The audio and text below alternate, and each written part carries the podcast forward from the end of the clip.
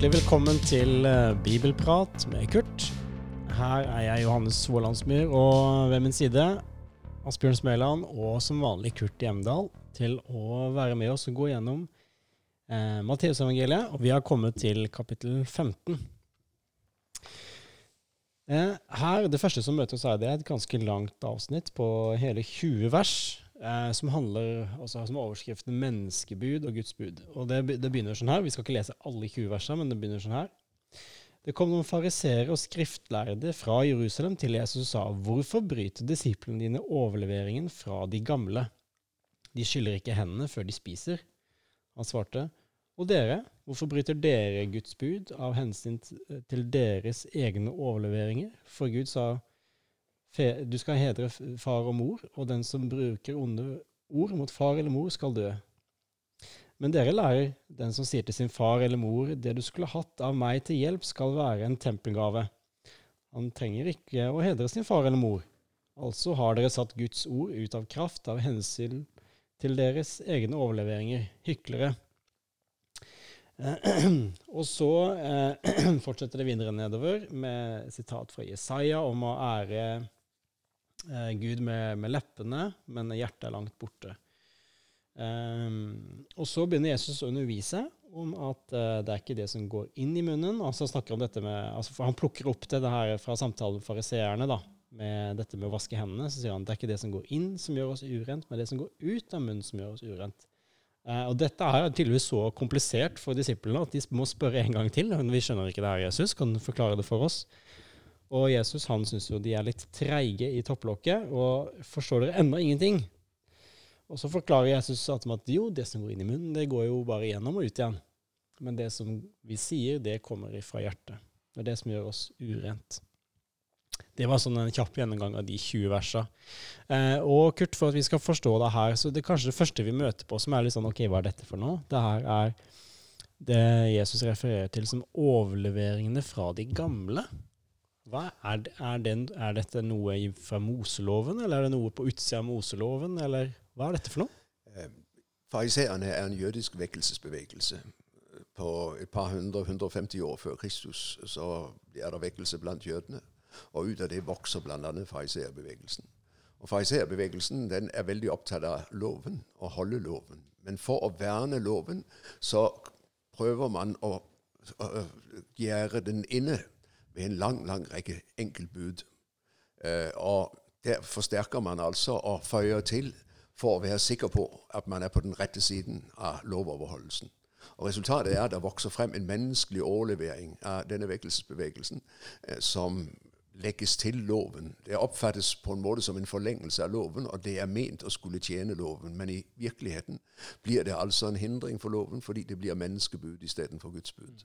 Så, så, her tolker man loven på en sånn måte at man synes man er veldig fromme når man gjør dette. Og så kan Jesus altså avsløre at de har laget noen bud som strider mot Guds bud. Så det er, det er en teologisk diskusjon mellom en gammel vekkelsesbevegelse og Jesus og det nye han bringer. Er dette det samme som den muntlige toraen? Det kan du godt si, og det er jo der du finner det alt sammen skrevet ned. ikke sant? I Mishnah, den uh, samlingen av alle jødiske tradisjoner, hvor man altså har lagt til, og hvor man har tolket og utlagt. Hvis du har vært i Israel i, eh, på en sabbat eller i en påske, så vet du at det er noe som heter sabbatsheis. For man kan ikke trykke på heisknappen på sabbaten, for det er arbeid. Hva kommer det av? Det er de gamles overleveringer. Man har tolket sabbatsbudene sånn at man har gjort alt mulig til arbeid. Du kan ikke tenne lyset, uh, for, for, da arbeider du. Du tar på en uh, kontakt og, og, og, bryter og slår den ned. ikke sant? Så ut av loven så vokser det en La meg ta et eksempel.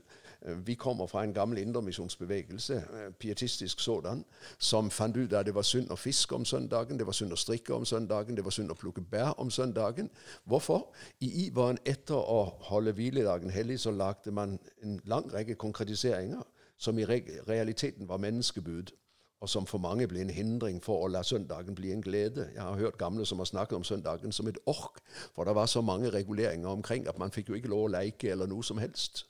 I dag eh, har vi lagt dette bak oss, men menneskebud som fødtes i iveren etter å holde Guds bud. ikke sant? Mm. Ok, Da skjønte, da fikk vi klarhet i hva, det, hva Jesus refererer til her. Altså Det er noe som man ikke finner i Moseloven, men noe som blir lagt til i sin iver Tolk, etter å tolk, Ivar, ja, etter å tolke Moseloven Ja. og konkretisere. Og så eh, møter vi en annen ting her, som er kanskje litt sånn eh, vi må forstå for å forstå egentlig Jesus' poeng her. Han snakker om at eh, de sier at den hjelpen du skulle hatt av meg, skal være en tempelgave. Hva, det, hva slags ordning er det vi har møte på her?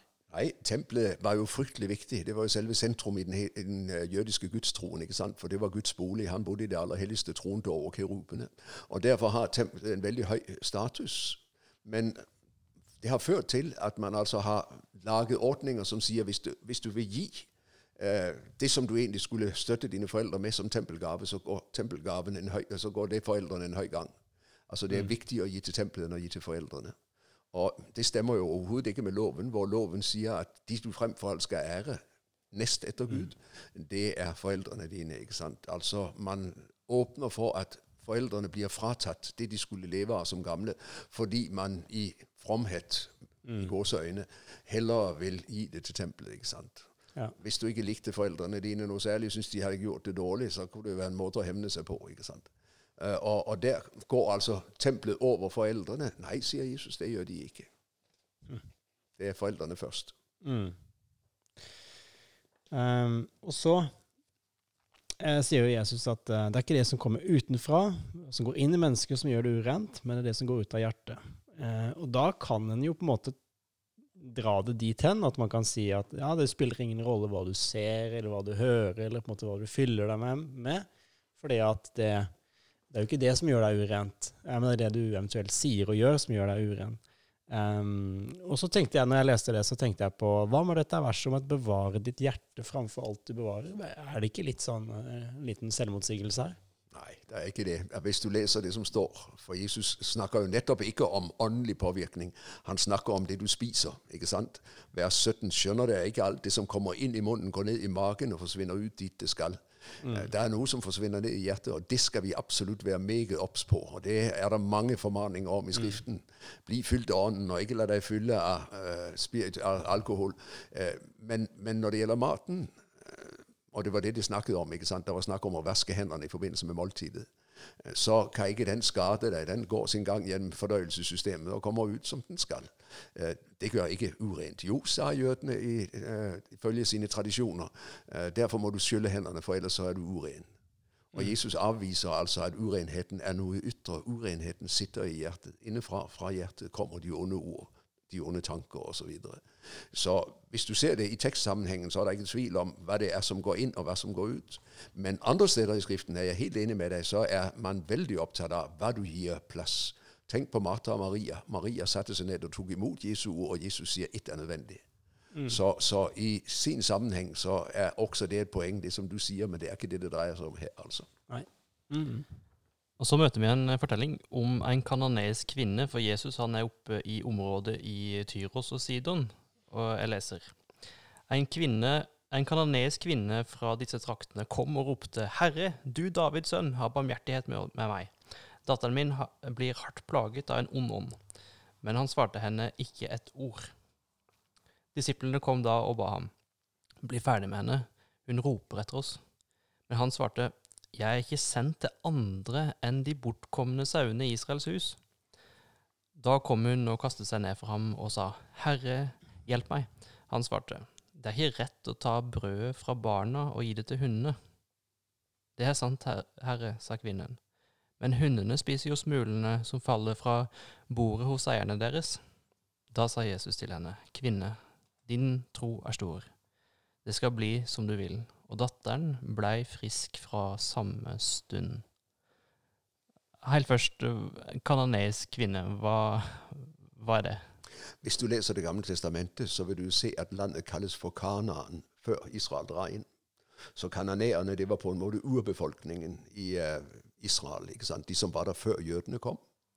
Så hun har tydeligvis røtter langt tilbake, og tilhører altså dem som har vært der når jødene kom inn og tok landet. Da var mange som overlevde Israels landnorm Og, blant dem var altså kananeerne. Så er vi utenfor Israel nå, eller? Eh, det behøver vi ikke. Nei, for Kanaan, det var Israel. Ja. Så kananeerne, det var de som bodde i Israel når jødene kom. Men hun er altså ikke jøde. Men hun er ikke jøde. Hun er hedning. Og Um For Jesus var jo veldig opptatt av, av oppdraget sitt, virker det som. Jeg er ikke sendt til andre enn de i Israels hus. Hva, men så lar han seg likevel eh, gi, gi etter. Hva, hva er det som skjer her? Ja, det er veldig spennende. For det er helt klart at Jesus har veldig klart for seg at hans første oppdrag, det er Israel. Det er der han er kommet for å oppfylle Guds løfter. Og hvis du ser i kapittel 10, vi var innom det for en tid siden, disse tolv sendte Jesus ut og påla dem, ta ikke veien til hetningene og dra ikke inn i samaritanernes byer. Samaritanerne og hetningene fikk sin tid etter pinse, men nå er det Israel det gjelder. Og i den sammenheng så vil det være ulydighet overfor farens vilje, overfor den himmelske fars vilje, hvis han begynner å forkynne forhetningene. Den tid kommer, men den er ikke nå. Og da er det altså at Jesus derfor tier stille. Han har ikke noe med den kanadiske kvinnen å gjøre. Eh, og disiplene blir irritert. Slitsom med, disse, med denne kvinnen som går og skriker. Kan du ikke se bli ferdig med henne? Gjør noe under, så send henne fra deg. ikke sant? Så vi kan bli kvitt det her bråket. Det gir jo oppmerksomhet. Eh, Men Jesus kan ikke gjøre noe bare fordi disiplene ønsker det, eller for å tilfredsstille deres behov for stillhet. Han gjør det hans himmelske far vil. Og når hans himmelske far ikke har gitt ham lov til å gå til hetningene, så går ikke han til hetningene. Men hennes ydmykhet, den overvinner hans, han har sagt, hans begrensning i fars vilje. Og det er helt tydelig at Jesus altså derfor er i stand til å gi henne det under hun ber om. Hun bøyer seg inn under hans grenser idet hun lar seg tiltale som hund, slik som jødene snakket om hedningene. Og sier også hundene spiser de små smuler. Og den ydmykheten den kan ikke Jesus stå for. Dermed får hun det hun ber om. Så ydmykheten er det som Hun, hun bøyer seg helt inn under dommen. Hun prøver ikke å tilrane seg noe som ikke er hennes, men hun ber ydmykt her en smule. Og den bønnen kan Jesus ikke si nei til. Og noen vil kanskje si eh, at Eller spørre, Ja, ja. eh, spørre her Møter vi en Jesus som egentlig er veldig uhøflig? For det første så svarer han ikke. Og for det andre så, så kaller hun henne en hund. Nå er det jo en lignelse han bruker, da, så han sier jo ikke direkte at hun er hund. Han sier uh, hundene uh, eh, Man skal ikke kaste brødet til hundene, ikke sant? Eh, men, men hun oppfatter det på den måten, og hun sier de små hundene under bordet, de spiser smulene. Så hun går på en måte inn i hans lignelse. Eh, og når Jesus er taus, så tror jeg ikke det er tvil om at grunnen til tausheten det er rett og slett han har ikke fått et klarsignal fra himmelen. Jeg gjør min himmelske fars vilje, sier han gjentatte ganger i, det nye i evangeliene. Og han kan ikke gå utenfor fars vilje, for da synder han. Da tar han seg til rette. Det var det Adam gjorde. Og Jesus kan som den andre Adam ikke følge Adam i opprøret, og derfor bøyer han seg for fars vilje. Det neste vi møter, det er i vers eh, 29. Så er det bare en kort uh, gjenfortelling om at det er mange som blir helbreda. Uh, og da kan jeg bare si det at vi har i tidligere episoder snakka en del om helbredelse, ganske mye om det. Så vi går ikke noe mer inn på det akkurat nå. Men uh, Jesus er altså den som gjør mennesker frikt, eh, friske, og oppfyller da mange profetier fra Gammeltestamentet. Og så skulle du si noe? Ja, så helt til slutt så, så gjør jo Jesus et nytt brødunder. Ja. Og det har vi venta på. Det har vi venta på. Eh, vi, eh, Kurt, du lo- lovte oss å si litt om eh, tallene, for vi igjen så gir Matteus plass til eh, brødunder. Og det er nesten nøyaktig det samme som skjer eh, nå, som skjedde i kapittel 14. Men nå er det 4000 menn, i stad var det 5000. Nå er det sju kurver, i stad var det tolv kurver. Og så er det litt forskjell på brød og hvor mye brød og fisk det er. Eh, For det første så tror jeg jo at eh, skjer to sånne under, så skulle det være veldig rart om ikke du fortalte det. Eh, I dag i den liberale teologi så vil man si at dette er bare en kopi. Det er bare at man har fortalt samme beretning to ganger. Det tror ikke jeg. Jeg tror det er to forskjellige begivenheter, og det kommer til syne nettopp i de forskjellige tallene. Man har kalt det første brødunder for den galileiske nadver. Jesus er blant sine egne, og han metter folket med fem brød og to fisk. Tolv kurver. Tolv er tallet for gudsfolket. ikke sant? Tolv stammefedre i Israel. Tolv apostler. Så vi er i det jødiske eh, rom, og, og tolvtallet snakker om en jødisk nadver.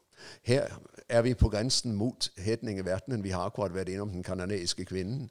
Sju, det er tallet for fullstendighet. Fire det er tallet for, for, for alle fire verdenshjørner i verdenstallet. ikke sant? Så noen vil tolke dette andre brødunderet som brødunderet som varsler evangeliet til hedningene til all verden. Eh, de syv kurver som tegn på at evangeliet altså skal nå langt utenfor Israels grenser, og evangeliet skal vise sin kraft i at det ikke bare er mange jøder som blir frelst, men mange ikke-jøder som blir frelst. Eh, det er ikke det beretningene sier direkte. De sier Jesus er Gud. Han er skaperen som er mektig til å skape av lite og ingenting. Og han er den som eh, møter sitt folk og gir dem det de trenger til. Så selve naturunderet tror jeg vi skal la stå for det det er. Men det er mulig at de tolv uh, kurver og de syv kurver taler henholdsvis om evangeliet for jødene og evangeliet for hedningene. Jeg tror ikke vi kan si mer enn det. Uh, for det blir lett innleggelse istedenfor utleggelse. Mm. Vi skal ikke legge ja. inn noe som ikke står der. Men tallene kan tyde på at uh, når Matteus forteller begge beretningene, så har det med dette å gjøre at han vil ha sagt noe om evangeliet er for Israel, evangeliet er for all verden. Jøde først, så greker. Ja, helt riktig. Det var veldig bra.